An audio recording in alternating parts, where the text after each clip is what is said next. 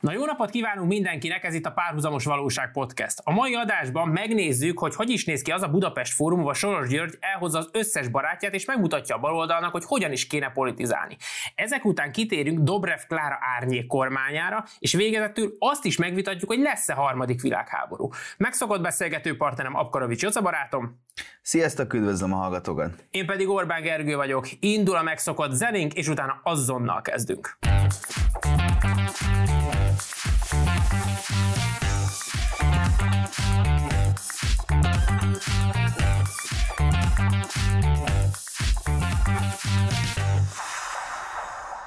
Nos, mielőtt elkezdenénk a mai szuperprodukciónkat, és annak is a lényegi részét, ahogy szoktam volt mondani, ne felejtsétek el Kontra YouTube csatornájára feliratkozni, Facebookon a Geri Oca oldalt, köszönjük az észrevételt, kommentbe majd valahova beletesszük, hogy hol értek el minket, azt lájkolni, és végezetül pedig a TikTok csatornánkra is tévedjetek oda, ha van kedvetek, mert Joca félelmetesen izgalmas prémium tartalmakat gyártott, még egyelőre ingyen, de ez nem sokáig marad így. Jól mondom, igaz? Nagyon, nagyon, nagyon jól mondod. Elnézést kérünk azért, hogy a két hete azt ígértem, hogy jövő héten találkozunk, ugye múlt héten nem találkoztunk, ennek prózai oka volt, itt az én kis életemben, talán ennyi búvált elárulhatok, történt egy lánykérés, és minek utána a koromból adódóan nekem gyermekem még nincs, legalábbis akkor, akit örömmel férjhez adnék, így azt tudom mondani, hogy igen, erre a pályára léptem, ennyi legyen a bulvár, nézek itt az operatőrökről, hogy begyűjtsek egy-két gratulációt. Ezt, ezt, köszönöm szépen, ezt én begyűjtöttem, köszönöm szépen mindenkinek. Szingvilányokat megnyújthatnánk, semmi se vált. Minden megy tovább, ne aggódjatok, ne most írjatok dühös leveleket.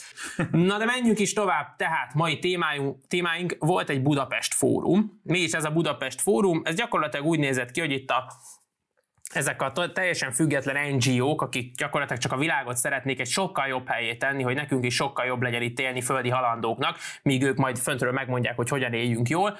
Ők szerveztek Budapestre, a már itt egyébként jelen nem lévő CEU-ra egy konferenciát, ahol elmondták, hogy hogy is kéne működjön a baloldali politika, mi az, amit Orbán Viktor nagyon rosszul csinál, és valószínűleg azokban a kis háttér susmusokban, kis folyosói beszélgetésekben elhangzott az itiner a jövőre nézve, hogy ugye egy nehéz időszak jön a világgazdaságban, a világpolitikában, a geopolitikában, hát mit tudunk tenni azért, hogy most már végre megbukjon az Orbán rezsim? Igen, és hát tényleg milyen szép, hogy belegondolsz, ugye, hogy uh, ugye liberális körökben elterjedt, hogy a soros hálózat nem létezik, a CEU pedig ugye már uh, kikergetődött innen Magyarországra, és akkor milyen zavartanul tudtak akkor részt venni itt ezen a rendezvényen. Véletlenül szabadték vagy sátorba. Igen, nem létező emberek. Tehát, hogy uh, elképesztő. Egyébként amúgy csak egy ilyen uh, kis rövidet ezekre az NGO-król, hogy, hogy ugye uh, mennyit támadjuk, és hát, hogy ez tényleg egészen méltatlan, és hogy alapvetően ezeknek a civil szervezeteknek valamikor még tényleg volt egy jó üzenete, mikor például mondjuk nem tudom, olyan civil szervezetekről volt szó, mint például a Vörös Kereszt. Tehát, hogy akik például mondjuk nem akartak ö, politikai befolyást gyakorolni. Tehát, hogy ez egy ilyen érdekes, hogy, hogy ez a nem kormányzati, ö, ugye itt most már egy ilyen összekacsintással, hogy nem, nem, mi, hát kormányzati projekteket szeretnénk végezni, csak kívülről. Igen, hát, felhatalmazás nélkül, és minket senki se számoltathasson el. Igen, és akkor ugye nagyon érdekes, hogy hát azt hiszem, hogy ez nem egy titok, mert ugye Márki Zaj Péter, nem tudom, mindenki már rengetegszer beszélt arról, hogy ez, ehhez a hálózathoz tartozó szervezetektől ugye ők külföldről mennyi pénzt kapnak, ugye Action for Democracy keresztül már milliárdokról van szó, hogy annyi érkezett a baloldalnak a kampányára, és akkor tudod, hogy belegondolsz így az ingyen pénzekről is, mert számtalanszor beszéltünk, hogy, hogy tényleg milyen lehet, mert az, hogy eljön a finanszírozó, és akkor megnézi, hogy akkor milyen helyzet, de, de most nem lennék azért egyébként amúgy a baloldal helyében sem. Tehát mi, milyen lehet, amikor így, így, ez tényleg egy kicsit olyan, mint amikor a, a gyerek már így cseperedik, és akkor elküldik, hogy most akkor anyának segítsél, vásárolj be a boltba. Majd a gyerek bemegy a konzolvilágba, és hazajön rengeteg, nem tudom én, új Sims kiegészít kiegészítővel, és akkor van egy ilyen nagy összenézés, hogy így, hogy most akkor ez így, akkor mire? Tehát, hogy nem, nem tudom, szerinted, szerinted mi, mi, mi lehetett a tematikája ezeknek a beszélgetéseknek, hogy hova lett az a sok pénz, és mire költődött el? Én azt gondolom, hogy igen. Tehát, hogy, hogy mit csináltatok rosszul. Én továbbra is hiszek abban, hogy itt volt egy, egy viszonylag korrekt iránymutatás egyébként, hogy, hogy ugye, és itt megint visszatérve arra, hogy nem kormányzati szereplők mondják el kormányzati szereplőknek, hogy hogyan kéne akkor ezt a dolgot csinálni, meg ezt vinni. Egyébként egy kicsit nézzünk is szerintem bele itt a felszólalók listájába. Küldtél tegnap este nekem egy cikket, nem titok, hogy ugye ezeket a témákat te találtad, azért is ilyen jó, és azért is ilyen gördülékeny ez, ez ilyen komoly szerkesztői munka van itt a van, tehát hogy Francis Fukuyama, Jól mondom, Fukuyama. Hát most barátok között France. France. De, France. de mindegy. Ö, ő is meghívott volt, ő ugye arról híres, hogy itt a Történelem vége című nagy műve volt az, amit ő, őt itt berobbantotta a nemzetközi köztudatba ahol is azt mondta, hogy a liberális demokráciákkal elértük így gyakorlatilag az államszervezésnek a legmagasabb szintjét, ennél már csak rosszabb rendszerek voltak, jobb rendszerek nem lesznek, hegytetőn vagyunk, itt nézzünk szét, álljunk meg, táborozzunk le, szép lesz ez nekünk. És azért az idő, a válságok, és leginkább az emberek véleménye úgy kezdte átirogatni. De Fukuyamát ez nem érdekli, lévén ő ebből él. Mondjuk úgy, hogy nem jól öregedett ez a műt. Nem jól öregedett, és akkor itt kicsit azt mondta, hogy öt pontba összefoglalta azt, hogy mi is működik még mindig az Orbánnak a rendszere. Én nem mennék... Egyébként, bo- bocsáss meg, de ez, ez tényleg mindenkinek egy, egy, egy nagyon jó iránymutatás arra, hogy a készülsz egy ilyen óriási nagy művet megírni, egy ilyen tényleg egy életművet, az ne a 40-es éveidben teljes, hanem tényleg amikor legalább a 80-hoz közel jársz, hogy esetleg beigaz igazolódik, hogy egy jó nagy hülye voltál, akkor, akkor már nagyon öreg legyél, vagy már nem legyen szégyen. Gyakorlatilag ugye nem élsz, innentől kezdve nincs baj. Vagy én, aki ír egy ilyen nagy művet, az üljön még rajta mondjuk egy évet. biztos jó lesz -e. Tehát azt mondja, hogy felhatalmazással, tehát az Orbán rendszerre jellemző, hogy felhatalmazással lerombolni a liberális demokráciák, a liberális intézményeit. Na, és most ezt itt megint úgy fogalmaz, ez a felhatalmazással lerombolni, hogy ez egy borzasztó rossz dolog. Tehát itt azért nem az történik, hogy van egy ilyen, nem tudom, egy ilyen 400 millió testőrrel körbevett hatalmi ember, egy vezető, és így mert mindenki mondja, hogy le ne rombold már ezeket a liberális demokráciák, liberális intézményt, mert annyira jó, hogy ez gyakorlatilag, hát ez éltet minket. Tehát ő ezt alapvetően, hiszen a saját gondolataiból indul ki, ezt egy nagy hibának gondolja, tehát nem elfogadja, hogy másnak más a megközelítés, hanem ezt rögtön, hát ez egy hiba. Ez így, ez így nem, nem megfelelő, ez a gondolatiság.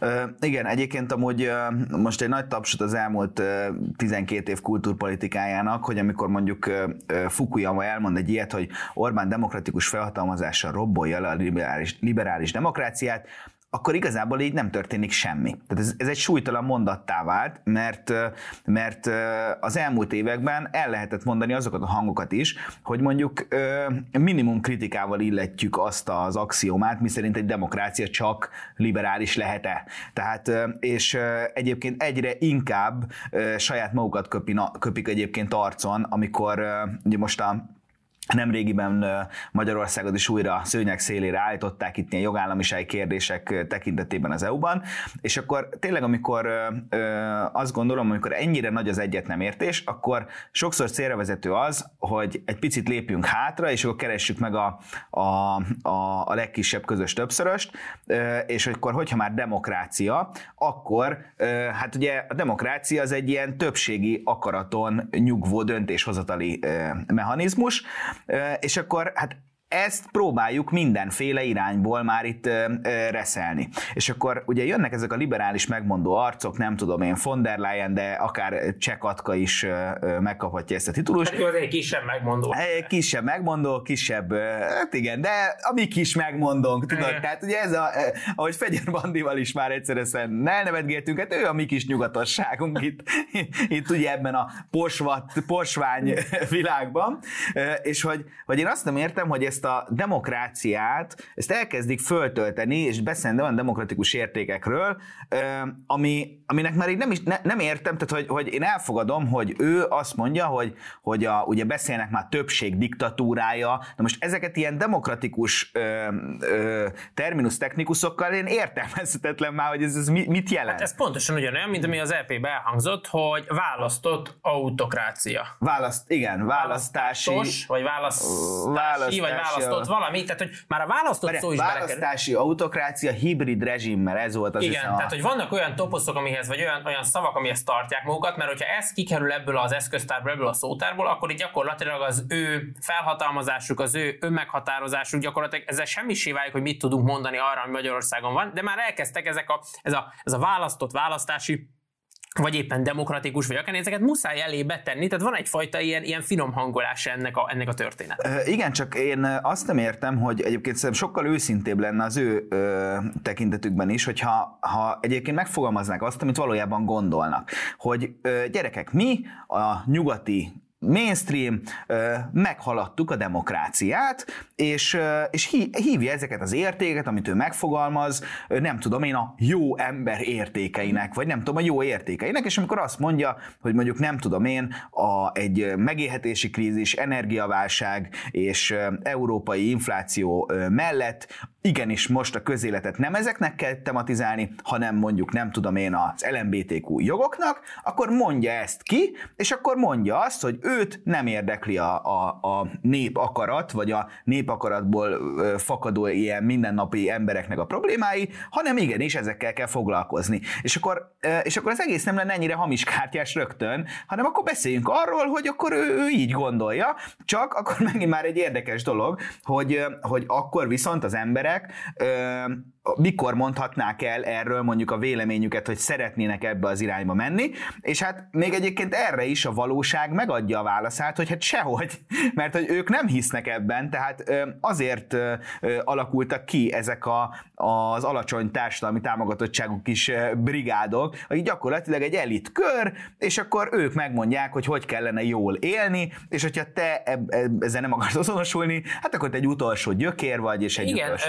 erről jutott eszembe, gyorsan föl is írtam, hogy ez, tehát amiket itt elmondtál, arra szerintem, hogy mi is így, így keletről, per Közép-Európába elkezdhetnénk őket is minősíteni, és szerintem az egyik ez a morális áldemokrácia, vagy a morális elite demokrácia. Tehát mert ugye mindent a morálra helyeznek, tehát hogy itt az a fő hangsúly, tehát teljesen mi történik, morálisan kell erőt mutatnunk, volt ez a szankcióknál, volt ez már mindenhol, és egyébként itt meg ez az áldemokrácia, vagy elit demokrácia, hogy ugyanazokból tudsz választani, hogy ezt korábban megbeszéltük, kicsit többet szavazunk most erre, kicsit kevesebbet arra, stb. De hogy ugyanaz a rendszer marad. Tehát innentől mi is elkezdhetnénk őket így minősíteni, hogy ja, ti a morális áldemokráciátokkal. hogy egyszer rájött. De most gondolj bele, hogy azt mondják, hogy jó, akkor most szőnyeg szélére állítjuk, nem tudom én, Ursula von der Leyen a morális deficit miatt. Abszolút. És, és akkor jön a következő... Morális pont. szuficit. Morális, morális szuficit, mert egész ez, ez már túl sok morál. Ennyit mi nem ennyi, mo- ennyi morál itt nekünk nem kell. és, akkor, és akkor jön a következő pontja ennek a Fukuyamának, hogy a nyugati civilizáció alapja a keresztény, keresztény kultúra, és hát ez is mekkora egy marhasági Orbán Viktor részéről, mert hát az európaiság lényege a felvilágosodás, a keresztény kultúra meghaladása. Na most ők pontosan mindig valamiféle morállal akarják meghaladni a demokráciát. Na de most akkor, akkor hogyha ez, ez a morál ez nem lehet keresztény, akkor kérdezem én, hogy akkor mégis milyen morálról beszélünk, és egyébként amúgy van ennek egyfajta valóságtartalma, tehát ugye ő tényleg a, a kereszténységből fakadó ö, alapdogmákat utasítja egyébként el, tehát akár most ugye volt ez az, ez az abortussal kapcsolatos törvénymódosítás, tehát hogy például mondjuk az életvédelem, ami azt gondolnád, hogy mondjuk a nyugati civilizációnak egy ö, egy, egy alappillére az emberi méltóság. Na most ők ezeket kezdik el feszegetni, hogy ez már nem olyan, nem, ez, ez már valójában nem egy közös kulturális alapunk, csak akkor, akkor ugye ö, ott jön a, a csavar az egészben, hogy belegondolsz, hogy mondjuk az életvédelem az mondjuk nem fontos, de mondjuk nem tudom én, a vegánok ö, felszólalnak, és már itt a 4-es 6-os villamos lehetett találkozni, hogy aki húst eszik, az az, az az állatoknak a gyilkosa, és akkor most nem is tudom, hogy akkor megjelenik az állatok méltósága az emberi méltóság fölé. Tehát, hogy, hogy Ez a felvilágosodás, hogy indultunk valahonnan, de tényleg, tehát amit ő is mond, hogy Európa alapja a felvilágosodás. Tehát az előtt mi jó ostobák voltunk egyébként, tehát tényleg ilyen kicsit sötétben éltünk, ahogy éltünk, hosszabb, rövidebb ideig, de amikor megjön a felvilágosodás, és ugyanez a felvilágosodás, ez ilyen ciklikusan le tud zajlani különböző témákban, különböző időpontokban. És most jött el az a pillanat, amikor az emberi életvédelme szorul háttérbe, megjön a felvilágosodás, és most már sokkal több ö, lájkot, ö, kedvelést, szeretetet, bármit be tudsz gyűjteni azáltal, hogy te most már állatokat szeretem, ha az emberek milyenek, de az állatok. De figyelj, Gerikem, szerinted eljutottunk már arra a pontra most ebben a beszélgetésben, hogy megint idézhetjük művelt barátunk írását? Azt gondolom, hogy igen. Az, szerintem, szerintem egyébként a nézők már igénylik. Igen, kérik, kérik gyakorlatilag. Tehát a kommentár folyamatban megjelent a Veszélyek kora című írása kedves barátunknak, és ott pontosan ezt a, a morális, Európa morális megfenekléséről oda jut, vagy azt a kérdést boncolgatja, hogy az, minden társadalomnak választ kell adnia a létezés, vagy a lét nagy kérdéseire, különben, ezt már én teszem hozzá konklúzióként, tehát, hogy különben ugye a fenntarthatósága az egyszerűen nem biztosított, és jelenleg is szerintem amúgy ebben vagyunk. Na most azt nem tudom, hogy az ilyen, mondjuk ilyen fukuyamák, meg akik ugye már az állatok méltóságát gyakorlatilag az emberi méltóság fölé helyezi, hogy fog eljutni arra, hogy valamiféle üzenetet fogalmazzon meg, mondjuk nem, nem tudom, ilyen morális célkitűzést hajtson végre, hogy mondjuk nem tudom miért érdemes felkelni reggel és elmenni dolgozni, vagy például most kövezzenek meg, mondjuk miért érdemes mondjuk családot alapítani, vagy miért kell azzal foglalkozni, hogy mondjuk nem tudom én száz év múlva emlékezni fog-e valaki még arra, hogy mondjuk a Rómában a Kolosseum az ivófűr, tehát hogy... Igen, csak szerintem itt az történik, hogy amikor ezekről a dolgokról beszélünk, akkor azt mondjuk, hogy van ebbe egy kontinuitás, tehát hogy mi ezekre a dolgokat, ezeket fundamentumnak tartjuk, ezek változtak idővel, hány gyereke van az embernek, mit jelent a család, meddig él vele, együtt éle még később, vagy, de, de az alapja, ezek az alapok, ezek megvoltak. Most azt érzem, hogy ez, amire ők fölhúznak egy morális, vagy egy gondolatiságot, vagy bármit, az annyit változott, hogy most már így, így a szezonnal, mint a ruhák, így változnak, hogy most egy kicsit ebbe vagyunk benne, most majd egy kicsit abban, most ez lesz az a kisebbség, itt felkarunk, és azt mondjuk, hogy ez adhatja Európa következő bázisát. Most ez a nem tudom, ez a gyűjtés lesz az, amire azt mondjuk, hogy ez adhatja Európa következő fundamentumát. Most éppen az ukránok megsegítése az, ami miatt Európa egy nagyon jó ember lesz. Majd, hogyha ez egyszer vége lesz, és, és reméljük mielőbb, akkor meg majd azt mondjuk, hogy jó, akkor most keresünk valami más. Tehát ezek szerintem ezek így változnak ezek a dolgok, és ez, és ez nem jó, de én ezt így gondolom, hogy ez,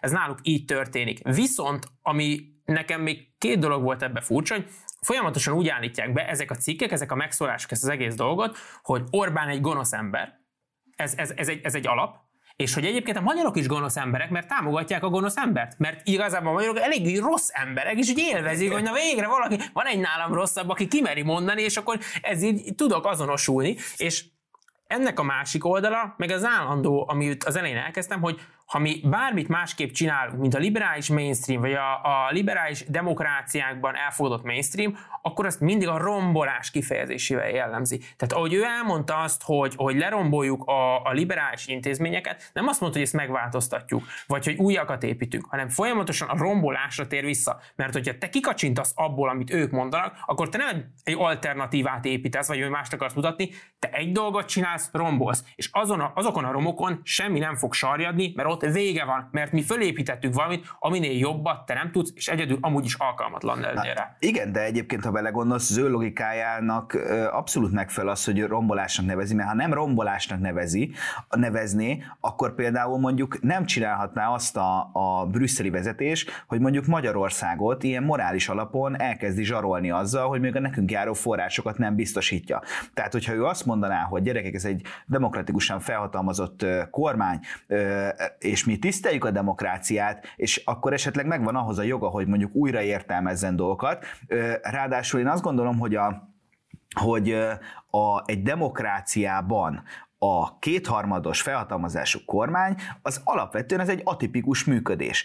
És mondjuk ő bennük nem ö, ö, fogalmazódik meg az a kérdés, hogy ö, esetleg lehet, hogy itt mondjuk ekkora problémák voltak, ö, ilyen krízist élt át ez az ország, hogy egyszerűen egy rendszert kellett kialakítani. Tehát hanem rögtön az, hogy autoriter, nem tudom, úgy, hogy egyébként, tehát hogy jól láthatóan ez azért egy hazug narratíva, mert amúgy őt nem érdekli, hogy valami autoriter, tehát nyugodtan, nem tudom, Szaudarábiával, Venezuelával Abszolút. nyugodtan üzletel, hanem őt egyszerűen az idegesíti, hogy mi mondjuk nemet mondunk a migrációra, nem engedünk be migránsokat, vagy ilyen afrikai tömegeket koordinálatlanul, és ezért ő kialakította azt a fajta ilyen kódrendszerét, amivel ilyenkor a médiáján keresztül, meg az ilyen megmondó embereink keresztül elmondja, hogy mi utolsó tróger emberek vagyunk, ja, meg a megvásárolt politikusaink keresztül is egyébként mondjuk már a brüsszeli döntéshozatalban hát, is nyomást akiknek, akiknek ez az egyetlen gondolatuk, vagy az egyetlen, tehát amivel önmagát tudja jellemezni, az, hogy ő elítéli az Orbán. Tehát állítom neked, hogy az Európai Parlament, hogyha valaki megkap egy olyan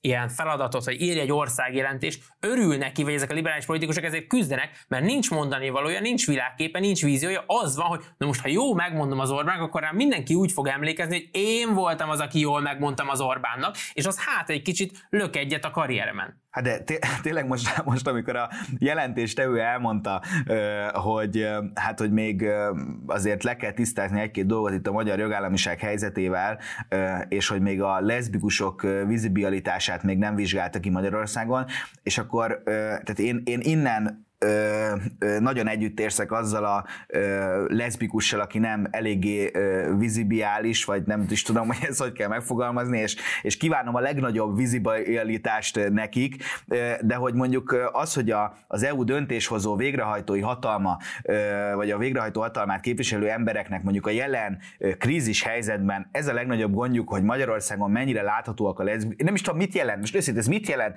hogy látható-e egy leszbikus, tehát én, én egy heteroszexuális férfi vagyok, és nem tudom mennyire vagyok De én meg rettentő büszke. Én most rettentő büszke.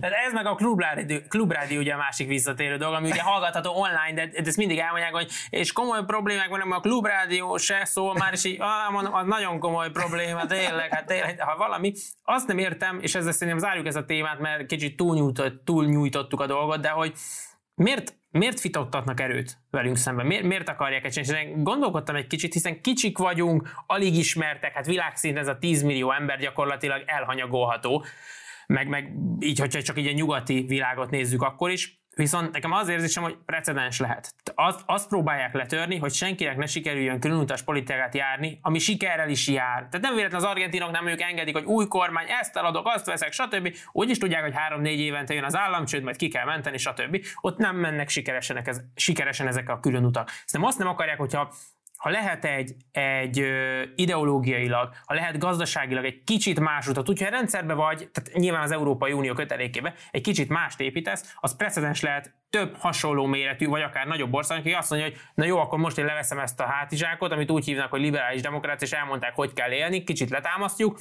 és akkor kicsit folytatjuk máshogy, mert másnak sikerült, és szerintem egyéb, egyébként egyértelműen ez a blokkolásokat. Tehát, hogy ezt próbálják így ők lenyomni, vagy, vagy víz alatt tartani. Uh, igen, és ennek egyébként szerintem legkevésbé van bármiféle ilyen morális megalapozottsága. Egyszerűen a világot, vagy a nyugati világot egy elit akarja irányítani, ezt egyébként amúgy a saját szempontjuk szerint amúgy elég hatékonyan is csinálják már régóta. Egyébként amúgy például a Bormendék Zsuzsannának a munkássága szerintem az, az volt az egyik legfontosabb konklúzió, konklúziónek számomra, hogy hogy alapvetően a, a rendszerváltás előtt is megvoltak a, azok a nyugati ö, csatornák, ahol ezt a régiót így működtetni tudták, vagy működtek a gazdasági csatornák, és amikor a rendszerváltás eljött, akkor ezeket a nyugati cégeket, meg hálózatokat abszolút nem érdekelte, hogy most nem tudom, itt lesz-e demokratikus átalakulás, vagy mi lesz.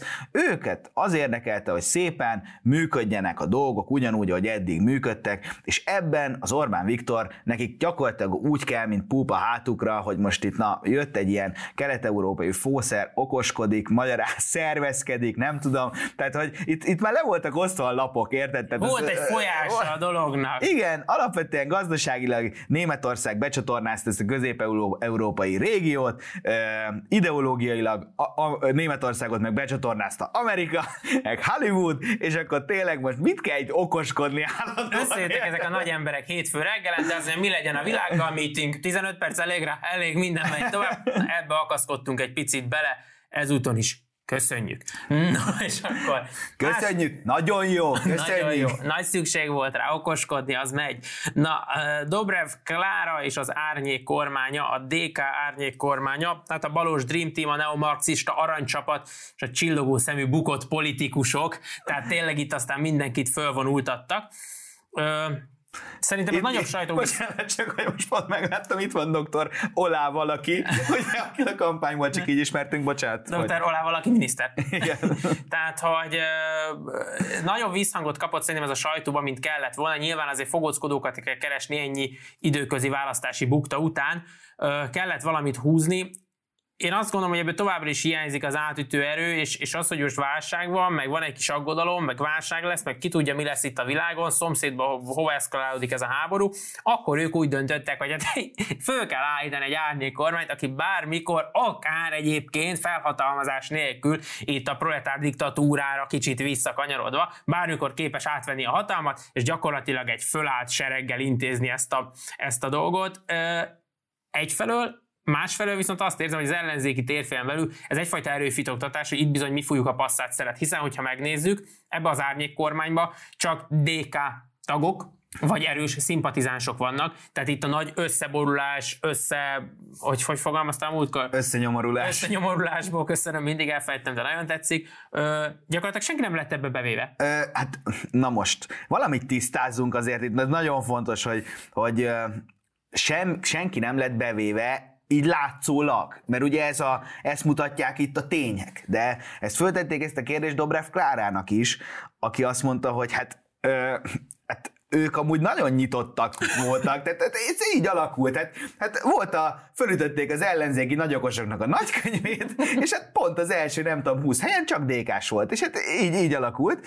A, a másik pedig, ami még ilyen kritikaként megfogalmazódott velük szembe, és ezzel is szembesítették a ATV stúdiójában ö, Klára asszonyt, ö, akinek mondjuk a férje annyira vagány, hogy gyakorlatilag egy pártot nevezett el a saját nejéről, ezt valljuk be, mondjuk ez egy plusz. De ez, ez nem Gyurcsány árnyék kormány, jó? Nem, nem, nem, nem, nem. nem. Abszolút nem. És Nincs akkor, kollektív bűnösség. És akkor mond, mondták neki, hogy hát ugye Klára asszony, az a kritika éri ezt az árnyék kormányt, hogy hát hogy nincsenek benne nagyon nők, mert ugye Kálmán Olga, Gyénémet Zsóka, megtudtam, hogy csak Zsóka, igen, és ugye hát a, a boss a nők, és hát hogy nincs elég nő.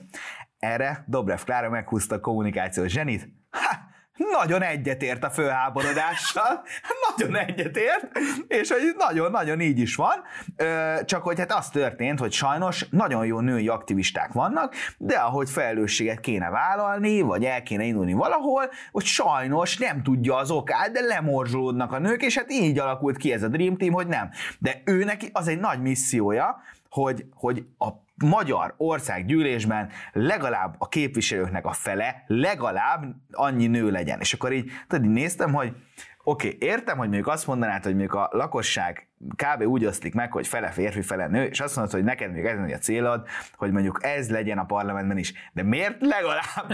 Tehát, hogy, hogy a nőknek járna ö, fele-fele plusz három mandátum, vagy hogy te mögött mi van.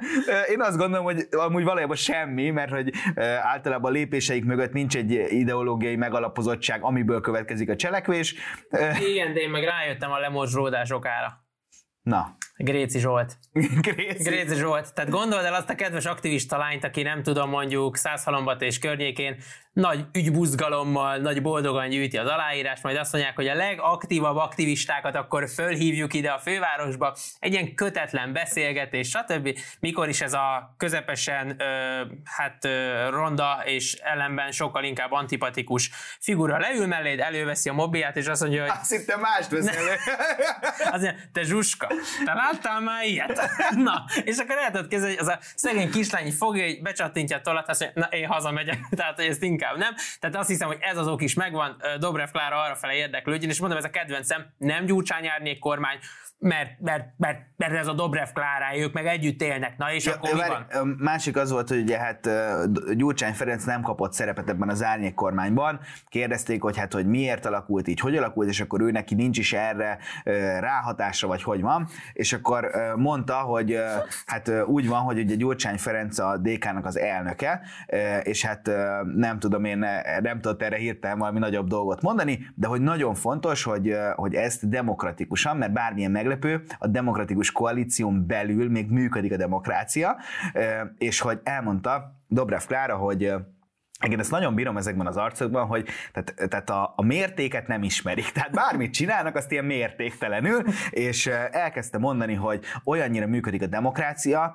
hogy ott aztán van vita, ugye, egy kipipálva, mert tehát ugye Libernyáhéknál a vita, az gyakorlatilag a jóisten fölött van négyel. Tehát izé, itt náluk van vita, ki van pipálva, és azt mondja, hogy és nem akármilyen viták vannak, hanem olyan viták, hogy a legkülönbözőbb ilyen legerősebb elvi ideológiai ellenállások és, és ütköztetések, és nem tudom, de most fölmerül bennem egy dolog, hogy én értem azt, hogy a vitának vannak helyzetek, amikor mondjuk viheti előre a csapatot. De azért mondjuk az, hogy egy politikai közösségben az ideológiai spektrum egészen eltérő, tehát hogy, tehát, hogy teljesen, tehát hogy most így, így el tudom képzelni mondjuk, hogy egy ilyen Fidesz elnökségi ülésen azt mondják, hogy akkor most nekünk a migrációt meg fogjuk állítani, és és határkerítést fogunk építeni. És akkor elkezdődik erről egy vita, és nem tudom, én azt mondja az XY, hogy ha, na, mielőtt itt, ho, ho, ho, ho, azelőtt min nálunk LMBTQ emberek fognak négyesével házasodni. És akkor azt mondja, nem tudom, az Orbán Viktor, hogy hát szerintem ne így legyen, és hanem szerintem határkerítést építsünk, és akkor hogy így hol vezetne ez a vita? Tehát, hogy fölmerülne esetleg az, hogy mi mérülünk egy elnökségben. Tehát, hogy így, így gondolhatsz bármit, de hogy esetleg mondd el máshol. És akkor így, így nem is tudom, hogy ezt hogy képzelt el, és akkor közben... Hát azért, mert ez nagyon demokratikus, mert nem érted az alapját. Igen, de akkor mi köti őket össze? Hát a hatalom. a hatalom vágy, a hatalom vágy, én azt mondanám, tehát, hogy, de volt a kedvencem, hogy, hogy így mondták, hogy na hát igen, ez most egy erős csapat, ugye csak DK-s, ugye már ilyen sokat vonalas DK-sok is, azért jó pár miniszteri posztot itt kijelöltek, meg mindenfélét, és így ez kicsit olyan, mint hogy mi így haverok azt mondjuk, hogy mától pedig mi vagyunk az árnyék magyar válogatott, de attól még nem leszek a szoboszlai domi gyerekek, tehát olyan, olyan hát még nincsen. Te nem, de ugye én a sallai helyére megyek. Igen, és akkor nézem, nézem ezt a képet, hogy ugye elmondja, hogy alternatívát kell mutatni, és hogy tehát ennek az árnyék kormányos dinak van értelme tényleg akkor, amikor mondjuk a az egymással versengő politikai erőknek az erőviszonyai valahogy mérhetőek egymással. Abszolút, De ugye abszolút, abszolút. a DK az egy 6, 6 százalékos párt, tehát hogy ők nem hogy kormányzásra, vagy jó, hogyha arra készülnek, ez egy kedves dolog tőlük, tehát ők nekik azt gondolom, hogy reálisabb célkitűzés lenne, hogy mondjuk a következő ciklusban az a tervünk, hogy mondjuk a parlamenti küszöböt ugorjuk át. Tehát például, tehát az valahol a valósághoz több köze lenne. És a akkor... erősebb. És akkor a DK, várjál, nézem, itt van például egyik kedvenc figurám, de mondhatnám egyébként a kancellári minisztert Molnár Csabát is, vagy, vagy Arató Gergelyt, hogy tehát ezeknek valószínűleg mondjuk így együtt nem volt, nem tudom, egy értékelhető dolgozatuk mondjuk így a gimnáziumban, és mondjuk például itt az Arató Gergely az egészen tényleg így úgy mosolyog itt a kamerára, hogy tudod, ő már látja, hogy a kamera mögött már tálalnak. Hát és akkor itt már nagy dolgok lesznek, és akkor tényleg most így nem akarok ebbe a nagyon ilyen demagógiába eltévedni, de amikor például mondjuk sokat beszélgettünk, hogy én nem tudom, hogy egy, egy nagy Márton mennyire lehet élőben egy szimpatikus fószer, így ránézésre személy szerint, személyes véleményem, hogy mondjuk így lehet, hogy például, hogy a szomszédom lenne, egy ilyen kellemetlen forma lehet, mondjuk a Varga Mihály már egy sokkal ilyen joviálisabb arc, de azért ezt mind a kettőről így, így, így látszik, amikor mondjuk meghallgatod egy beszédét, vagy mondjuk, de már így fizimiskáról is, hogy mondjuk tényleg már láttak Excel táblázatot. Na most ehhez képest mondjuk ők gazdasági miniszternek föl sorakoztatnak egy ilyen ex szakszervezetes fószer Dávid Ferencet, aki azon kívül, hogy gyakorlatilag én még nem hallottam vele olyan interjút, ahol ne lett volna nagyon fölháborodva valami, és szinte ilyen fújtatva magyaráz, hogy te jó Isten, itt minden nem tudom, meg fog állni, hogy, hogy azon kívül nem láttam még ettől a fickótól két érdemes mondatot. De, de várjál, szakszervezetésként ő Excel táblát nem is, de pénzt már látott. Tehát azért, azért volt már olyan, hogy most azt tervezik, hogy 57 óra lesz egy munkahét. Ah, nem, 20 ezer forint, ah, jó. Tehát volt már ilyen szakszervezet, aki azt mondta, hogy gyerekek, most egy kicsit jobb vissza, mert ha most visszalépünk, hegyet engedünk, akkor nagyobbat ugrunk majd előre. Tehát azért volt már ilyen is. Én azt érzem náluk egyébként, hogy ők kompetenciát és szervezettséget akarnak mutatni, tényleg gyakorlatilag úgy, hogy ők a, a baloldali térfél uh, legnépszerűbb uh, csapata, ez szerintem azért ez megkérdőjelezhetetlen, hogy a, náluk a szervezettséggel sose volt probléma, tehát azért ők viszonylag jól is építettek pártot, ott náluk ugyanez a politikai gondolat, a vízió hiányzik, illetve ami bizony cserébe van, ugye az a múltjuk. Tehát azért, ami azt gondolom, egy picit rányomja itt a bélyegét itt, a, itt ezekre a, a, a dolgokra.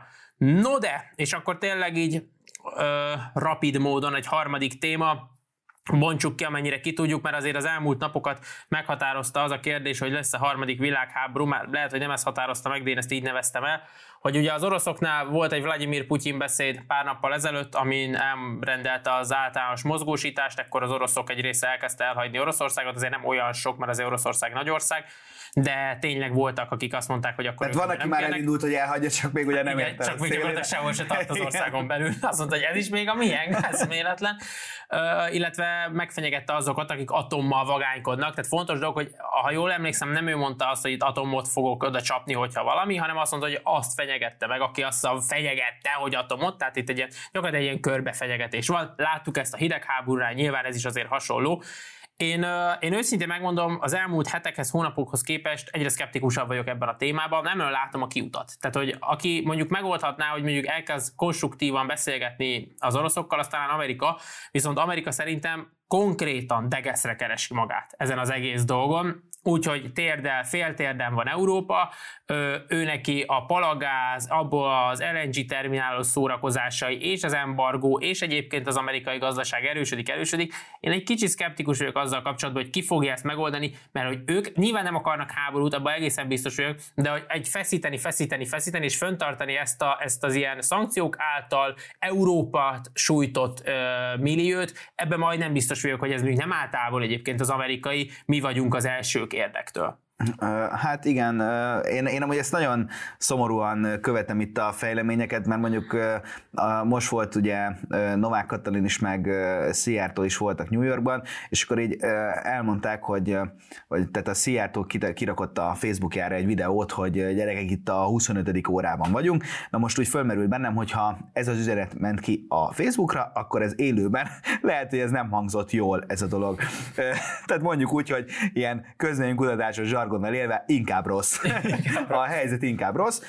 És akkor azt látom, hogy alapvetően itt mindenki ilyen, ilyen hisztérikus tinédzser lányként dobálózik a szavakkal, és akkor Zelenszky elmondja, hogy ezután a Putyin beszéd után, hogy ő azért nem gondolja, hogy Putyin itt ledobja, én meg hát itt a szomszédból hát örülök, hogy ő ezt így nem gondolja, és hát reméljük is, hogy esetleg jól gondolja, de hogy talán egy picit mondjuk visszavehetnénk, ő pedig hát pontosan azért mondta, hogy ő ezt nem gondolja, hogy hát továbbra is nyomjuk ugye és tartsuk presszió alatt. Na most nekem az egy érdekes dolog volt, ugye itt most mindjárt előhívom a lelkem mélyén szunnyadó Demko Attillát, hogy, hogy hogy az az érdekes, hogy az, az, amikor kirobbant az egész háború, akkor itt a európai fősodorban lehetett hallani azokat, hogy gyerekek azért kell fegyvereket oda telepíteni, meg Ukrajnát támogatni, mert hát, hogy mi vagyunk a következő ország, és hát, hogy akkor mi van, hogyha esetleg Putyin itt megtátosodik, és jönne tovább.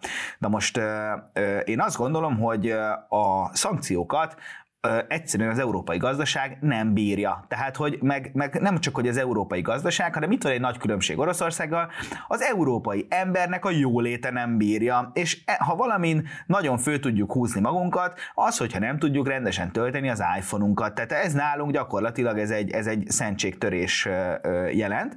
Na most Viszont ugye Európa azt választotta, hogy küldtük, küldtük a fegyvereket. És több ilyen, nem tudom én, egy picit nálam a katonai stratégiában járatosabb ember, mert képzeld, hogy van, van azért egy-kettő. Igen. Hát elmondták, hogy jól láthatóan Putyinnak ez a fajta ö, ö, támadása azért nem tud elég gyorsan haladni, mert azért a nyugati fegyverek még így is, hogy nem a nyugati kézben sülnek el, ö, meg, meg a, nincsen a, nem tudom én, a karbantartásuk rendesen megoldva, de azért a nyugati fegyverek annyival fejlettebbek, hogy hogy ott, hogy ezzel nem igazán tud, tehát ebben jön ki az erőfölény, a nyugati technológiával szemben ugye az oroszoknak nem nagyon van válaszuk. Na most ezt például én elkönyveltem, hogy ez egy jó nagy pozitívum. Viszont nekem ebből az következne, hogy ha eddig ugye azért tettük oda, hogy mi van, hogyha ide jön, akkor bennem így fölmerült, hogy akkor esetleg lehet, hogy ezt ő is levonta, Putyin is levonta, és mondjuk, hogy nem jön ide. Tehát, hogy mondjuk ezt akkor ezt a sok fegyvert mondjuk letelepíthetnénk például mondjuk ide a határra, a saját határunkra, és akkor továbbra is vihetnénk azt a, az egyébként szerintem helyes történetet, hogy egyébként nekünk továbbra is a péke lenne. Tehát, hogy, hogy ez a nagy félelmünk, hogy azért kell nekünk oda fegyvereket vinni, mert mi van, ha ide jön, hát megláttuk, hogy hát se semmi nincsen, mert valószínűleg nem fog ide jönni, mert hogyha meg ide jön, akkor meg írgum burgum neki. És akkor ebből, na most nem tudom, hogy, hogy ez csak én vagyok egy ekkora zseni, de hogy ez, ez nem merült föl senkiben, hogy tehát ha tényleg ez volt az eddigi mozgató rugó, akkor ez kiúszhatjuk. Akkor ez megint egy pipa. akkor ez megint egy pipa. És hát én is attól tartok, hogy sajnos minket megvezettek ezzel, és nem ez a valódi érv, hanem hogy ezen jó sok pénzt keresnek, és ugye ami a legszomorúbb, hogy ezen nem csak Amerika keres sok pénzt, hanem egyébként Oroszország is keres egy csomó pénzt, tehát hogy innentől neki sem igazán érdeke szerintem az, hogy most itt tényleg mi, mi, hara, mi hamarabb, nem tudom én, kimondjuk, hogy a Donetsk az orosz, mert szerintem Putyin annyira ez így már nem érdekli, hogy mondjuk ilyen rekordbevételeket produkál mondjuk a Gazprom, és megint mi leszünk azok, akik itt a helyszínen ezt elszenvedik, és, és akkor amikor az amerikai külügy belenget ilyeneket, hogy akkor most már amerikai tankokat fognak hozni Ukrajnában, akkor én csak arra gondolok, hogy de jó, de jó, tehát hogy de jó, hogy megint nem Amerikában háborúzunk, hanem tényleg akkor álljunk a jó ügy érdekében, mondjuk Minnesota-ban. Tehát, hogy... Így van, ahogy, és talán így a vége felé zárszó jellegként, hogy a tanult barátunk, akit már ma is idéztünk egyszer, és még sokat fogjuk, ő mondta azt, hogy a második világháború után a keleti részt elfoglalták az oroszok, a nyugati részt pedig elfoglalta Amerika, tehát Németország ugyanúgy egy befolyási övezetbe került, meg Franciaország is, csak azt úgy hívták, hogy amerikai, ott jobb volt élni. Most viszont azt érzem, hogy ebbe a konfliktusba húztak megint egy nagyon váratlan, és amíg ők egymással küzdenek, és azt mondják, hogy persze ezek a mi befolyási érdekzónáink, addig nem az van, hogy Németországban, meg Franciaországban most azért ugyanolyan jó lesz, mint amikor amerikai dominancia volt, hanem most minket így kipöccintettek a padból, és azt mondják, hogy ti majd éltek, ahogy tudtok itt Európa, mi viszont játsszuk ezt a játékot, mert nekünk a saját választóinkért, a saját embereinkért kell felelősséget vállalni, és mi az itt erősödgetünk csendben, meg csináljuk Igen. ezt. Én egy borussal látom, hát kíváncsi vagyok tényleg mielőbb legyen meg a béke, és akkor folyjon minden tovább úgy, és, hogy ez idáig, mert azért az nem lenne És azt gondolom, hogy ez a franciák, németek élnek úgy, ahogy tudnak. Ez nagyon fontos, hogy ezt nem a Sái Lőrinc vándorfilozófusi értelemben kell ezt érteni. Úgy, ahogy éppen, pontosan. Hanem, hogy gyakorlatilag ebben így meg fogunk rokkanni, és ez alapvetően Amerika és az orosz érdekeket is kiszolgálja egyébként, hogyha Európa itt összedől. Igen, és azért nem is nagyon látom ennek a végét, vagy nem is érzem. Mai szavunk, amit meg kell jegyezzünk, ez a morális áldemokrácia, mert én mondtam, és nagyon tetszik. Ennyi volt mára, köszönjük szépen, hogy ma is velünk tartottatok. Ha tetszett az adás, akkor feltétlenül iratkozzatok fel a Kontra YouTube csatornájára, lájkoljátok a Geri Oca Facebook oldalt, és nézzetek minket TikTokon, és tényleg találkozunk egy hét múlva, addig is vigyázzatok magatokra, sziasztok! Sziasztok!